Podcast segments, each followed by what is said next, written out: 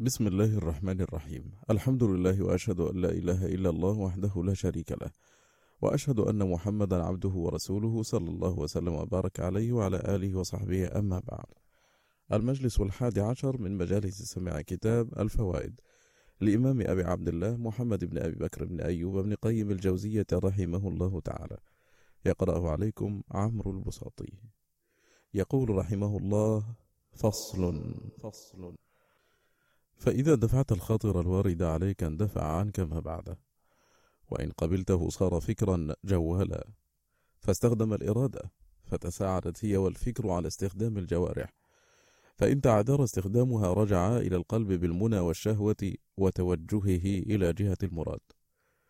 ومن المعلوم أن إصلاح الخواطر أسهل من إصلاح الأفكار وإصلاح الأفكار أسهل من إصلاح الإرادات. وإصلاح الإرادات أسهل من تدارك فساد العمل وتداركه أسهل من قطع العوائد. فأنفع الدواء أن تشغل نفسك بالفكر فيما يعنيك دون ما لا يعنيك. فالفكر فيما لا يعني باب كل شر. ومن فكر فيما لا يعنيه فاته ما يعنيه واشتغل عن أنفع الأشياء له بما لا منفعة له فيه. فالفكر والخواطر والإرادة والهمة أحق شيء بإصلاحه من نفسك. فإن هذه خاصتك وحقيقتك التي تبتعد بها أو تقرب من إلهك ومعبودك الذي لا سعادة لك إلا في قربه ورضاه عنك. وكل الشقاء في بعدك عنه وسخطه عليك. ومن كان في خواطره ومجالات فكره دنيئا خسيسا لم يكن في سائر أمره إلا كذلك. وإياك أن تمكن الشيطان من بيت أفكارك وإرادتك فإنه يفسدها عليك.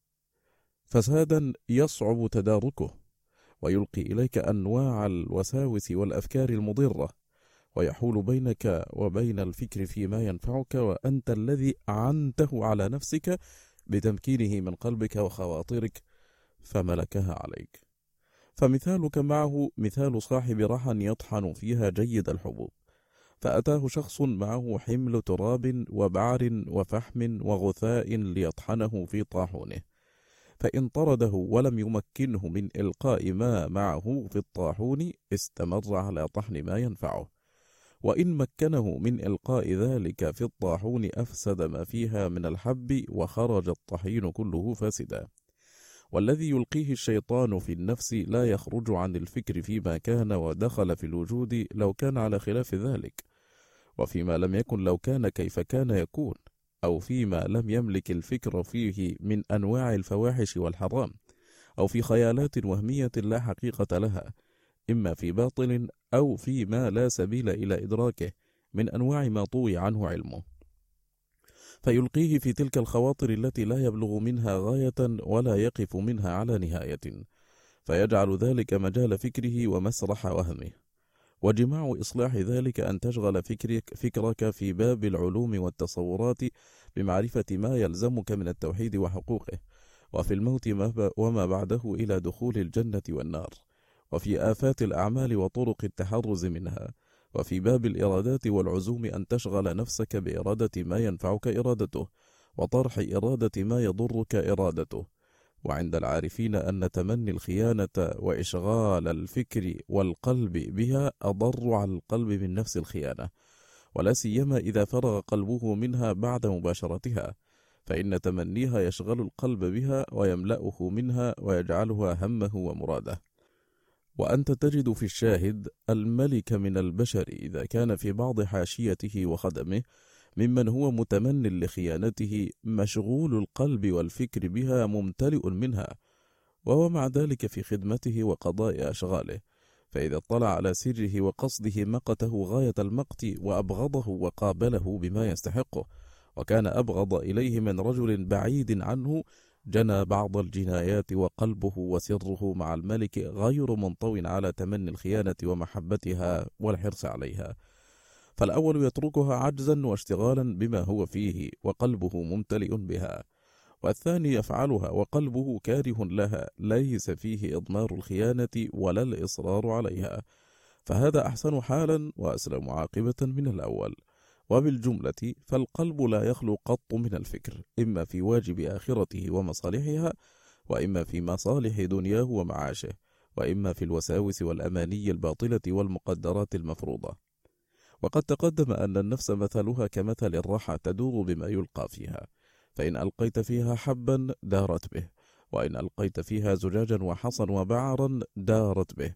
والله سبحانه هو قيم تلك الرحى ومالكها ومصرفها وقد أقام لها ملكا يلقي فيها ما ينفعها فتدور به وشيطانا يلقي فيها ما يضرها فتدور به.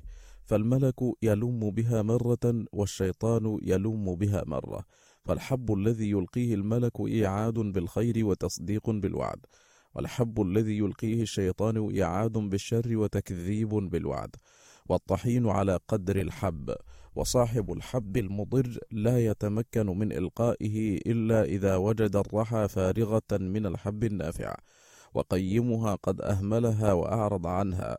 فحينئذ يبادر إلى إلقاء ما معه فيها وبالجملة فقيم الرحى إذا تخلى عنها وعن إصلاحها وإلقاء الحب النافع فيها وجد العدو السبيل إلى إفسادها وإدارتها بما معه.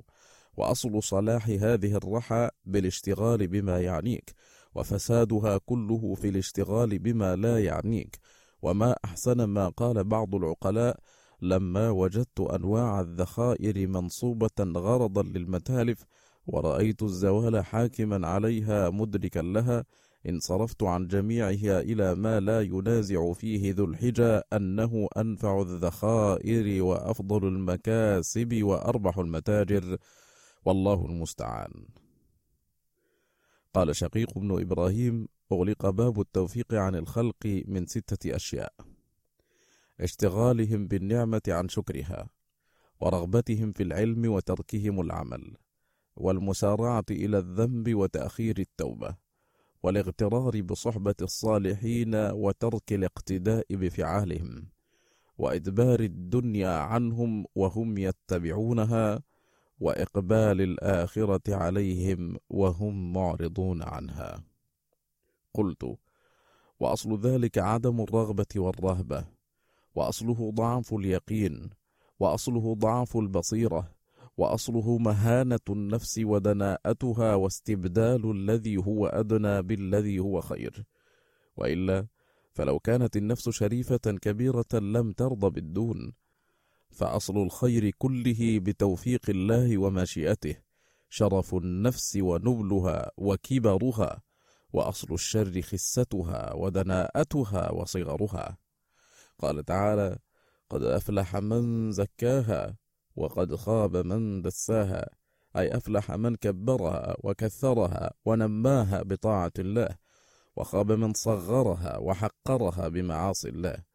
فالنفوس الشريفة لا ترضى من الأشياء إلا بأعلاها وأفضلها وأحمدها عاقبة.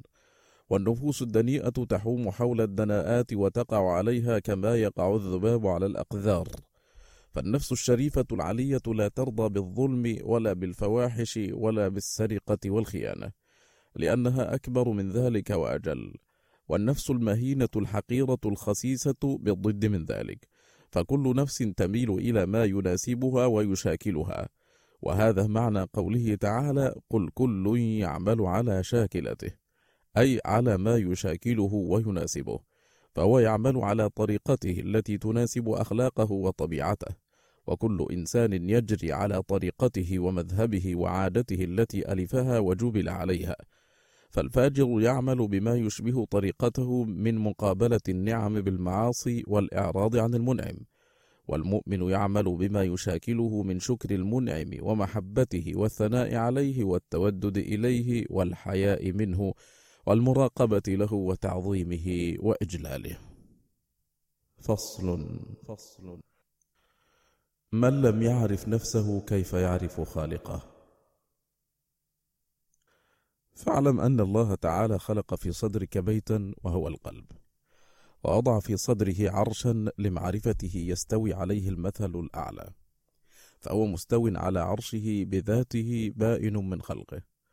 والمثل الأعلى من معرفته ومحبته وتوحيده مستو على سرير القلب وعلى السرير بساط من الرضا ووضع عن يميله وشماله مرافق شرائعه وأوامره وفتح إليه بابا من جنة رحمته والأنس به والشوق إلى لقائه وأمطره من وابل كلامه ما أنبت فيه أصناف الرياحين والأشجار المثمرة من أنواع الطاعات والتهليل والتسبيح والتحميد والتقديس وجعل في وسط البستان شجرة معرفة فهي تؤتي أكلها كل حين بإذن ربها من المحبة والإنابة والخشية والفرح به والابتهاج بقربه وأجرى إلى تلك الشجرة ما يسقيها من تدبر كلامه وفهمه والعمل بوصاياه. وعلق في ذلك البيت قنديلا أسرجه بضياء معرفته والإيمان به وتوحيده. فهو يستمد من شجرة مباركة زيتونة لا شرقية ولا غربية يكاد زيتها يضيء ولو لم تمسسه نار. ثم أحاط عليه حائطا يمنعه من دخول الآفات والمفسدين ومن يؤذي البستان فلا يلحقه أذاهم. وأقام عليه حرسا من الملائكة يحفظونه في يقظته ومنامه ثم أعلم صاحب البيت والبستان بالساكن فيه فهو دائما همه إصلاح السكن ولم شعثه ليرضاه الساكن منزلا. وإذا أحس بأدنى شعث في السكن بادر إلى إصلاحه ولمه خشية انتقال الساكن منه فنعم الساكن والمسكن. فسبحان الله رب العالمين. كم بين هذا البيت وبيت قد استولى عليه الخراب وصار مأوى للحشرات والهوام ومحلا لإلقاء الأنتان والقاذورات فيه. فمن أراد التخلي وقضاء الحاجة وجد خربة لا ساكن فيها ولا حافظ لها. وهي معدة لقضاء الحاجة مظلمة الأرجاء منتنة الرائحة. قد عمها الخراب وملأتها القاذورات. فلا يأنس بها ولا ينزل فيها إلا من يناسبه سكناها من الحشرات والديدان والهوام. الشيطان جالس على سريرها وعلى السرير بساط من الجهل وتخفق فيه الأهواء وعن يمينه وشماله مرافق الشهوات واتباع الهوى. وقد فتح إليه باب من حقل الخذلان والوحشة والركون إلى الدنيا والطمأنينة بها والزهد في الآخرة. وأمطر من وابل الجهل والهوى والشرك والبدعة ما أنبت فيه أصناف الشوك والحنظل والأشجار المثمرة بأنواع المعاصي والمخالفات من الزوائد والتنديبات والنوادر والهزليات والمضحكات والأشعار الغزليات والخمريات التي تهيج على ارتكاب المحرمات وتزهد في الطاعات وجعل في وسط الحقل شجرة الجهل به والإعراض عنه فهي تؤتي أكلها كل حين من الفسوق والمعاصي واللهو واللعب والمجون والذهاب مع كل ريح واتباع كل شهوة. ومن ثمرها الهموم والغموم والأحزان والآلام ولكنها متوارية باشتغال النفس بلهوها ولعبها. فإذا أفاقت من سكرتها أحضرت كل هم وغم وحزن وقلق ومعيشة ضنك. وأجري إلى تلك الشجرة ما يسقيها من اتباع الهوى وطول الآمل والغرور. ثم ترك ذلك البيت وظلماته وخراب حيطانه بحيث لا يمنع منه مفسد ولا حيوان ولا مؤذ ولا قذر. فسبحان خالق هذا البيت وذلك البيت. فمن عرف قدر بيته وقدر الساكن فيه وقدر ما فيه من الكنوز والذخائر والآلات انتفع بحياته ونفسه. ومن جهل ذلك جهل نفسه وأضاع سعادته وبالله التوفيق. فصل. فصل. سئل سهل التستري الرجل يأكل في اليوم أكلة؟ قال أكل الصديقين. قيل له فأكلتين. قال أكل المؤمنين. قيل له فثلاث أكلات.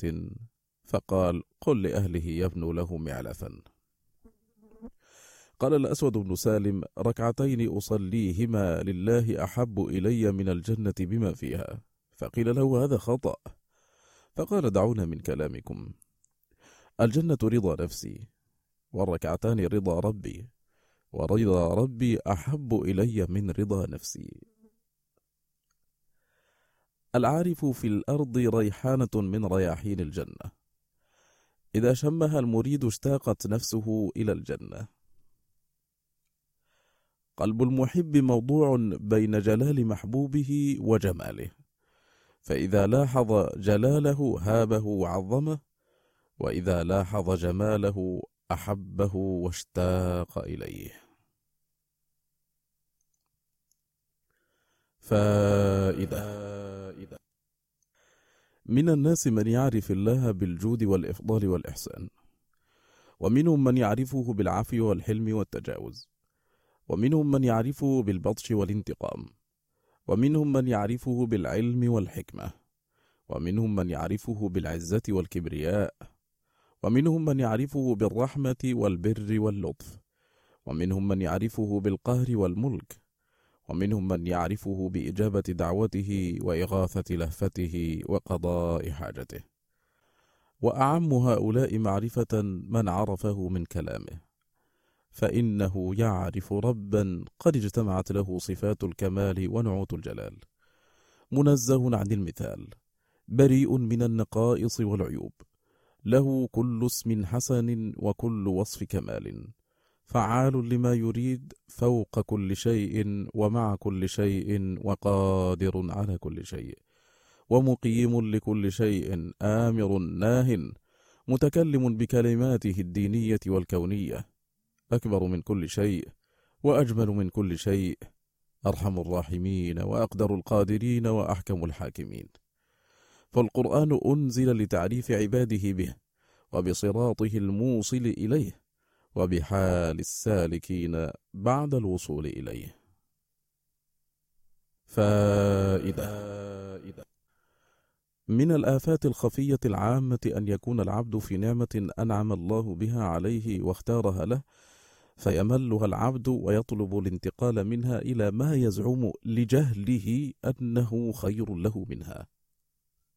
وربه برحمته لا يخرجه من تلك النعمة ويعذره بجهله وسوء اختياره لنفسه حتى إذا ضاق ذرعا بتلك النعمة وسخطها وتبرم بها واستحكم ملله لها سلبه الله إياها.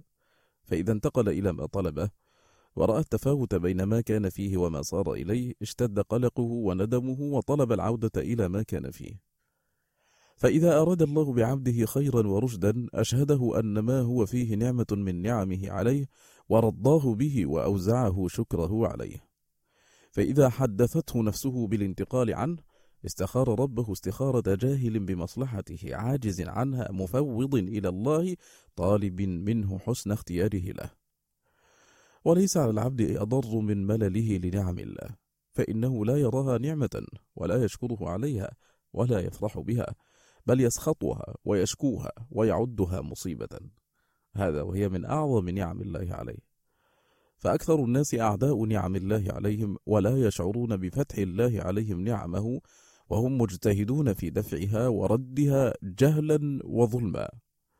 فكم سعت إلى أحدهم من نعمة وهو ساع في ردها بجهده؟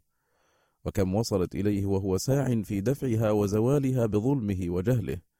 قال تعالى ذلك بأن الله لم يك مغيرا نعمة أنعمها على قوم حتى يغيروا ما بأنفسهم. وقال تعالى إن الله لا يغير ما بقوم حتى يغيروا ما بأنفسهم. فليس للنعم أعدى من نفس العبد فهو مع عدوه ظهير على نفسه. فعدوه يطرح النار في نعمه وهو ينفخ فيها. فهو الذي مكنه من طرح النار ثم أعانه بالنفخ. فإذا اشتد ضرامها استغاث من الحريق وكان غايته معاتبة الأقدار. وعاجز الرأي مضياع لفرصته حتى إذا فات أمر عاتب القدر. فصل. فصل. من أعز أنواع المعرفة معرفة الرب سبحانه بالجمال وهي معرفة خواص الخلق وكلهم عرفه بصفة من صفاته وأتمهم معرفة من عرفه بكماله وجلاله وجماله. سبحانه ليس كمثله شيء في سائر صفاته. ولو فرضت الخلق كلهم على أجملهم صورة وكلهم على تلك الصورة ونسبت جمالهم الظاهر والباطن إلى جمال الرب سبحانه لكان أقل من نسبة سراج ضعيف إلى قرص الشمس. ويكفي في جماله أنه لو كشف الحجاب عن وجهه لأحرقت سبحاته ما انتهى إليه بصره من خلقه. ويكفي في جماله أن كل جمال ظاهر وباطن في الدنيا والآخرة فمن آثار صنعته. فما الظن بمن صدر عنه هذا الجمال؟ ويكفي في جماله أنه له العزة جميعا والقوة جميعا والجود كله والإحسان كله والعلم كله والفضل كله. ولنور وجهه أشرقت الظلمات. كما قال النبي صلى الله عليه وسلم في دعاء الطائف أعوذ بنور وجهك الذي أشرقت له الظلمات وصلح عليه أمر الدنيا والآخرة. وقال عبد الله بن مسعود ليس عند ربكم ليل ولا نهار. نور السماوات والأرض من نور وجهه فهو سبحانه نور السماوات والأرض. ويوم القيامة إذا جاء لفصل القضاء تشرق الأرض بنوره. ومن أسمائه الحسنى الجميل. وفي الصحيح عنه صلى الله عليه وسلم إن الله جميل يحب الجمال. وجماله سبحانه على أربعة مراتب جمال الذات وجمال الصفات وجمال الأفعال وجمال الأسماء. فأسماؤه كلها حسنى وصفاته كلها صفات كمال وأفعاله كلها حكمة ومصلحة وعدل ورحمة. وأما جمال الذات وما هو عليه فأمر لا يدركه سواه ولا يعلمه غيره وليس عند المخلوقين منه إلا تعريفات تعرف بها إلى من أكرمه من عباده. فإن ذلك الجمال مصون عن الأغيار محجوب بستر الرداء والإزار كما قال رسوله صلى الله عليه وسلم فيما يحكي عنه الكبرياء ردائي والعظمة إزاري. ولما كانت الكبرياء أعظم وأوسع كانت أحق باسم الرداء. فإنه سبحانه الكبير المتعال فهو سبحانه العلي العظيم. قال ابن عباس رضي الله عنهما حجب الذات بالصفات. وحجب الصفات بالأفعال فما ظنك بجمال حجب بأوصاف الكمال وستر بنعوت العظمة والجلال.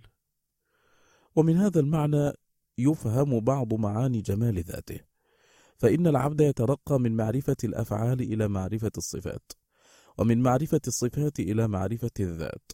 فإذا شاهد شيئا من جمال الأفعال استدل به على جمال الصفات ثم استدل بجمال الصفات على جمال الذات. ومن هنا يتبين أنه سبحانه له الحمد كله وأن أحدا من خلقه لا يحصي ثناء عليه بل هو كما أثنى على نفسه. وأنه يستحق أن يعبد لذاته ويحب لذاته ويشكر لذاته. وأنه سبحانه يحب نفسه ويثني على نفسه ويحمد نفسه وأن محبته لنفسه وحمده لنفسه وثناءه على نفسه وتوحيده لنفسه هو في الحقيقة الحمد والثناء والحب والتوحيد.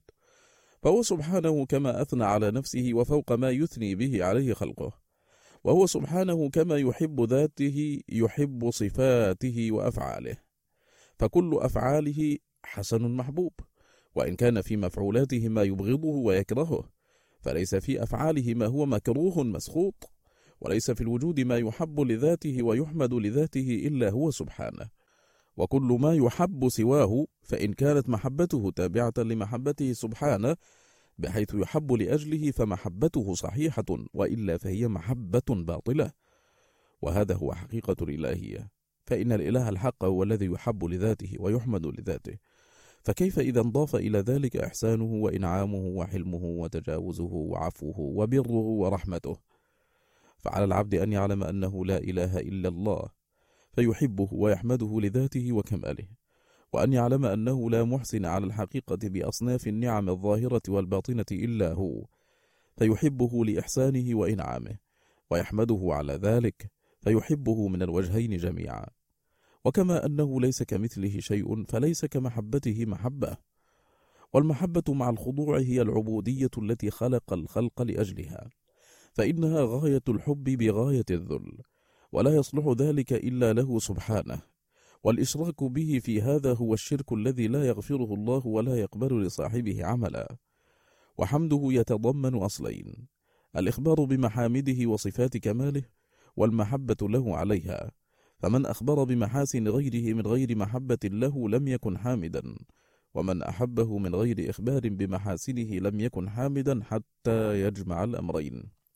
وهو سبحانه يحمد نفسه بنفسه ويحمد نفسه بما يجريه على ألسنة الحامدين له من ملائكته وأنبيائه ورسله وعباده المؤمنين.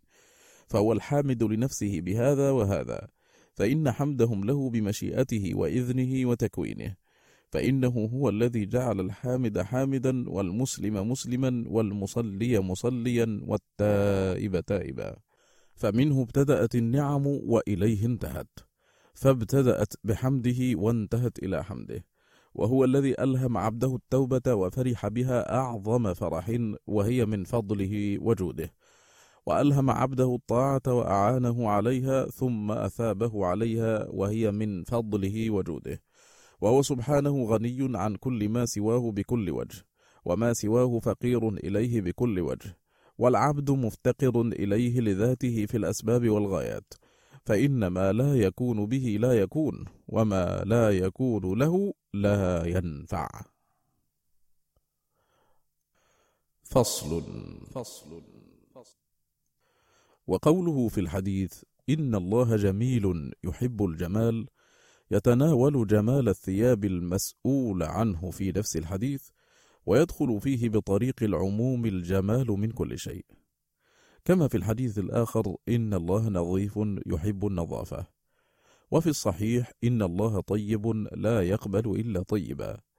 وفي السنن الله يحب أن يرى أثر نعمته على عبده. وفيها عن أبي الأحوص الجشمي عن أبيه قال رآني النبي صلى الله عليه وسلم وعلي أطمار. فقال هل لك من مال؟ قلت نعم. قال من أي المال؟ قلت من كل ما آتى الله من الإبل والشاء. قال فلتر نعمته وكرامته عليك. فهو سبحانه يحب ظهور أثر نعمته على عبده. فإنه من الجمال الذي يحبه وذلك من شكره على نعمه وهو جمال باطن. فيحب أن يرى على عبده الجمال الظاهر بالنعمة والجمال الباطن بالشكر عليها. ولمحبته سبحانه للجمال أنزل على عباده لباسا وزينة تجمل ظواهرهم وتقوى تجمل بواطنهم. فقال يا بني آدم قد أنزلنا عليكم لباسا يواري سوآتكم وريشا ولباس التقوى ذلك خير. وقال في أهل الجنة ولقاهم نضرة وسرورا وجزاهم بما صبروا جنة وحريرا. فجمل وجوههم بالنضرة وبواطنهم بالسرور وأبدانهم بالحرير. وهو سبحانه كما يحب الجمال في الأقوال والأفعال واللباس والهيئة يبغض القبيح من الأقوال والأفعال والثياب والهيئة. فيبغض القبيح وأهله ويحب الجمال وأهله. ولكن ضل في هذا الموضع فريقان. فريق قالوا كل ما خلقه جميل فهو يحب كل ما خلقه. ونحن نحب جميع ما خلقه فلا نبغض منه شيئا. قالوا ومن رأى الكائنات منه رآها كلها جميلة وأنشد منشدهم. وإذا رأيت الكائنات بعينهم فجميع ما يحوي الوجود مليح. واحتجوا بقوله تعالى الذي أحسن كل شيء خلقه. وقوله صنع الله الذي أتقن كل شيء. وقوله ما ترى في خلق الرحمن من تفاوت. والعارف عندهم هو الذي يصرح بإطلاق الجمال ولا يرى في الوجود قبيحا. وهؤلاء قد عدمت الغيرة لله من قلوبهم والبغض في الله والمعاداة فيه وإنكار المنكر والجهاد في سبيله وإقامة حدوده. ويرى جمال الصور من الذكور والإناث من الجمال الذي يحبه الله فيتعبدون بفسقهم. وربما غلا بعضهم حتى يزعم أن معبوده يظهر في تلك الصورة ويحل فيها. وإن كان اتحاديا قال هي مظهر من مظاهر الحق ويسميها المظاهر الجمالية. فصل. فصل. وقابلهم الفريق الثاني. فقالوا قد ذم سبحانه جمال الصور وتمام القامة والخلقة. فقال عن المنافقين وإذا رأيتهم تعجبك أجسامهم. وقال وكم أهلكنا قبلهم من قرن هم أحسن أثاثا ورئيا أي أموالا ومناظر. قال الحسن هو الصور. وفي الصحيح وفي صحيح مسلم عنه صلى الله عليه وسلم إن الله لا ينظر إلى صوركم وأموالكم وإنما ينظر إلى قلوبكم وأعمالكم. قالوا ومعلوم أنه لم ينفي نظر الإدراك وإنما نفى نظر المحبة. قالوا وقد حرم علينا لباس الحرير والذهب وآنية الذهب والفضة وذلك من أعظم جمال الدنيا. وقال ولا تمدن عينيك إلى ما متعنا به أزواجا منهم زهرة الحياة الدنيا لنفتنهم فيه. وفي الحديث البذاذة من الإيمان. وقد ذم الله المسرفين والسرف كما يكون في الطعام والشراب يكون في اللباس. وفصل النزاع أن يقال الجمال في الصورة واللباس والهيئة ثلاثة أنواع. منه ما يحمد ومنه ما يذم ومنه ما لا يتعلق به مدح ولا ذم. فالمحمود منه ما كان لله وأعان على طاعة الله وتنفيذ أوامره والاستجابة له. كما كان النبي صلى الله عليه وسلم يتجمل للوفود وهو نظير لباس آلة الحرب للقتال ولباس الحرير في الحرب والخيلاء فيه. فإن ذلك محمود إذا تضمن إعلاء كلمة الله ونصر دينه وغيظ عدوه. والمذموم منه ما كان للدنيا والرئاسة والفخر والخيلاء والتوسل إلى الشهوات وأن يكون هو غاية العبد وأقصى مطلبه. فإن كثيرا من النفوس ليس لها همة في سوى ذلك. وأما ما لا يحمد ولا يذم فهو ما خلع عن هذين القصدين وتجرد عن الوصفين. والمقصود أن هذا الحديث الشريف مشتمل على أصلين عظيمين. فأوله معرفة وآخره سلوك فيعرف الله سبحانه بالجمال الذي لا يماثله فيه شيء ويعبد بالجمال الذي يحبه من الأقوال والأعمال والأخلاق فيحب من عبده أن يجمل لسانه بالصدق وقلبه بالإخلاص والمحبة والإنابة والتوكل وجوارحه بالطاعة وبدنه بإظهار نعمه عليه في لباسه وتطهيره له من الأنجاس والأحداث والأوساخ والشعور المكروهة والختان وتقليم الأظفار. فيعرفه بصفات الجمال ويتعرف إليه بالأفعال والأقوال والأخلاق الجميلة. فيعرفه بالجمال الذي هو وصفه. ويعبده بالجمال الذي هو شرعه ودينه. فجمع الحديث قاعدتين المعرفة والسلوك. فصل. فصل. ليس للعبد شيء أنفع من صدقه ربه في جميع أموره. مع صدق العزيمة فيصدقه في عزمه وفي فعله. قال تعالى فإذا عزم الأمر فلو صدقوا الله لكان خيرا لهم. فسعادته في صدق العزيمة وصدق الفعل. فصدق العزيمة جمعها وجزمها وعدم التردد فيها. بل تكون عزيمة لا يشوبها تردد ولا تلوم. فإذا صدقت عزيمته بقي عليه صدق الفعل. وهو استفراغ الوسع وبذل الجهد فيه. وألا يتخلف عنه بشيء من ظاهره وباطنه. فعزيمة القصد تمنعه من ضعف الإرادة والهمة. وصدق الفعل يمنعه من الكسل والفتور. ومن صدق الله في جميع أموره صنع الله له فوق ما يصنع لغيره. وهذا الصدق معنى يلتئم من صحة الإخلاص وصدق التوكل. فأصدق الناس من صح إخلاصه وتوكله. فائدة جليلة في القدر. رب ذو إرادة أمر عبدا ذا إرادة. فإن وافقه أراد من نفسه أن يعينه ويلهمه فعل ما أمر به. وإن خذله خلاه وإرادته ونفسه.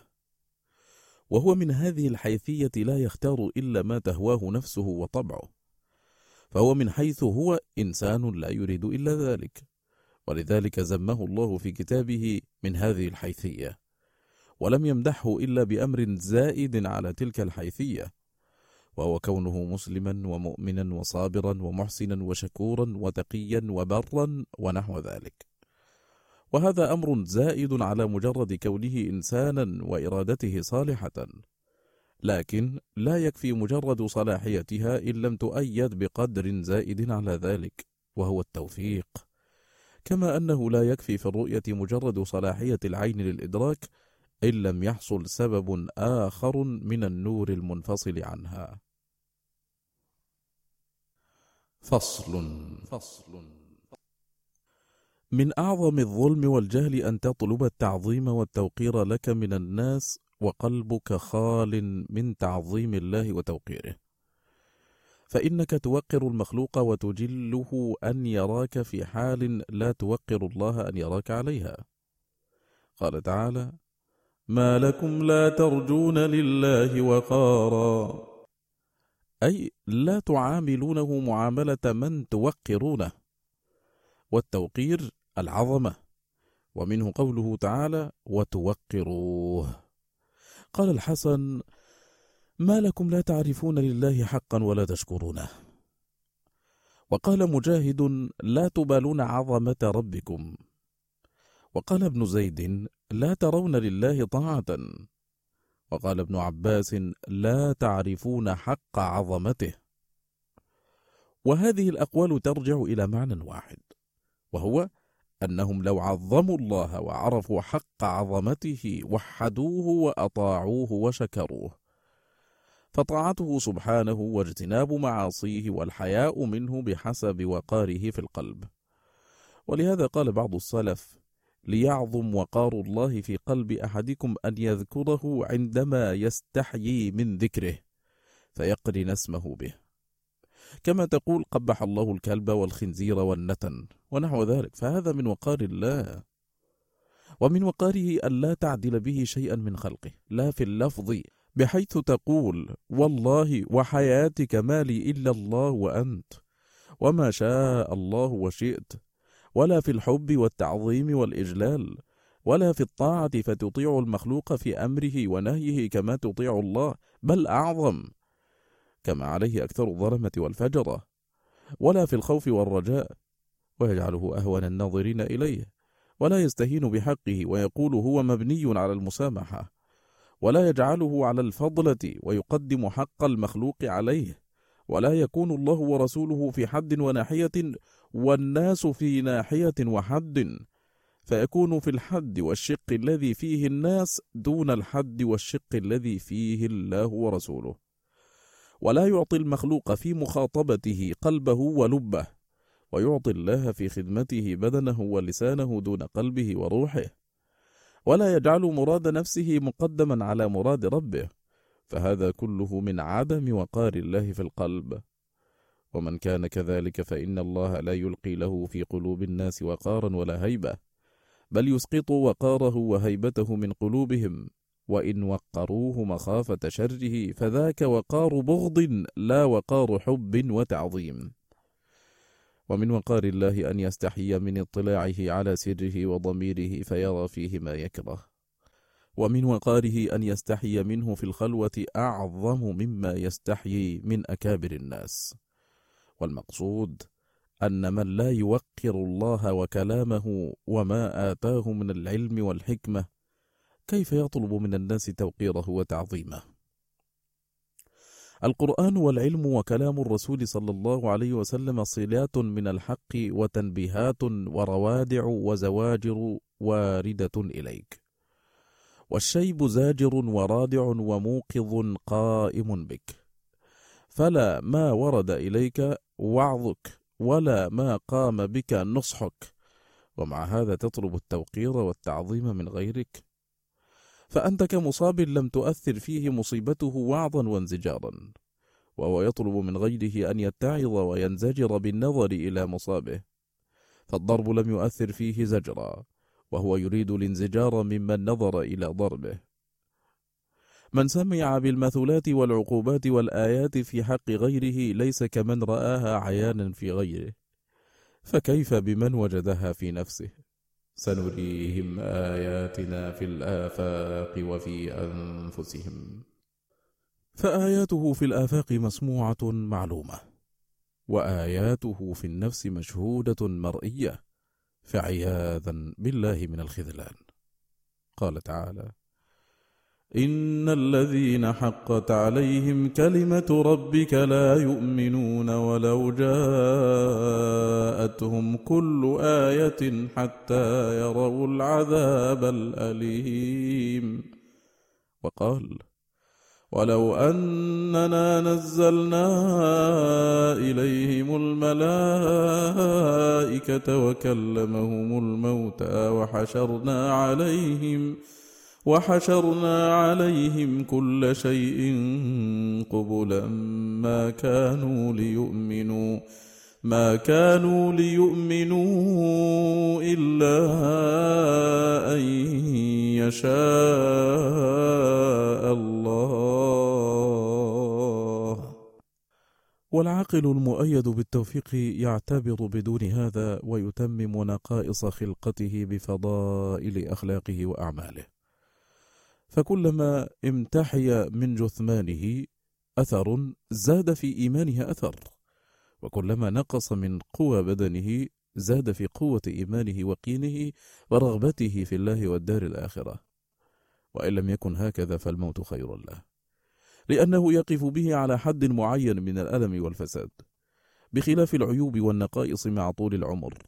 فإنها زيادة في ألمه وهمه وغمه وحسرته. وإنما حسن طول العمر ونفع ليحصل التذكر والاستدراك واغتنام الفرص والتوبة النصوح. كما قال تعالى أولم نعمركم ما يتذكر فيه من تذكر؟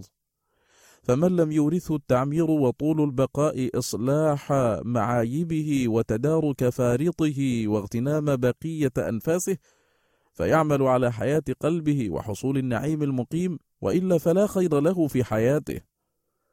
فإن العبد على جناح سفر إما إلى الجنة وإما إلى النار. فإذا طال عمره وحسن عمله كان طول سفره زيادة له في حصول النعيم واللذة. فإنه كلما طال السفر إليها كانت الصبابة أجل وأفضل. وإذا طال عمره وساء عمله كان طول سفره زيادة في ألمه وعذابه ونزولا له إلى أسفل. فالمسافر إما صاعد وإما نازل. وفي الحديث المرفوع خيركم من طال عمره وحسن عمله وشركم من طال عمره وقبح عمله. فالطالب الصادق في طلبه كلما خرب شيء من ذاته جعله عمارة لقلبه وروحه. وكلما نقص شيء من دنياه جعله زيادة في آخرته. وكلما منع شيئا من لذات دنياه جعله زيادة في لذات آخرته. وكلما ناله هم أو حزن أو غم جعله في أفراح آخرته. فنقصان بدنه ودنياه ولذته وجاهه ورئاسته إن زاد في حصول ذلك وتوفيره عليه في معاده كان رحمة به وخيرا له. وإلا كان حرمانا وعقوبة على ذنوب ظاهرة أو باطنة أو ترك واجب ظاهر أو باطن. فإن حرمان خير الدنيا والآخرة مرتب على هذه الأربعة. وبالله التوفيق. إلى هنا ينتهي مجلسنا هذا. على خير بإذن الله نلقاكم في مجلس آخر. وصلى الله وسلم وبارك على سيدنا محمد وآله وصحبه. والسلام عليكم ورحمة الله تعالى وبركاته.